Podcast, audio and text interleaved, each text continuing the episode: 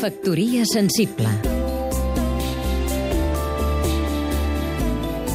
Rafel Vallbona, escriptor i periodista 76 anys després de que les tropes franquistes espoliessin el patrimoni de l'Ateneu Enciclopèdic Popular, l'entitat, fundada l'any 1902 per dos obrers i el llavors jove estudiant Francesc Lairet, encara no ha recuperat les seus que li van robar. Quatre pisos al carrer del Carme, un al carrer Portaferrissa, el solar de Pintor Fortuny cantonada amb la Rambla, on ara hi ha un hotel, i un xalet a la Molina, avui ocupat per la Generalitat.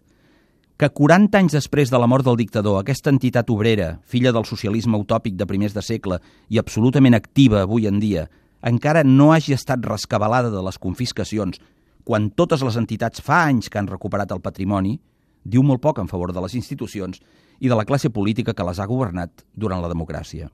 Si hagués estat una entitat referent de la burgesia, els poders públics s'haurien afanyat a retornar-li el que li havien robat per les armes.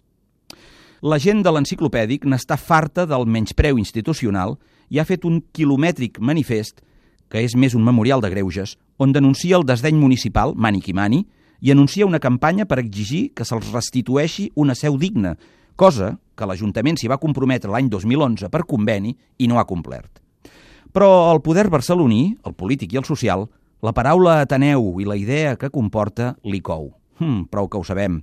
És el moll de l'os de la convulsa història de la ciutat. Per això cal un digne reconeixement de l'enciclopèdic.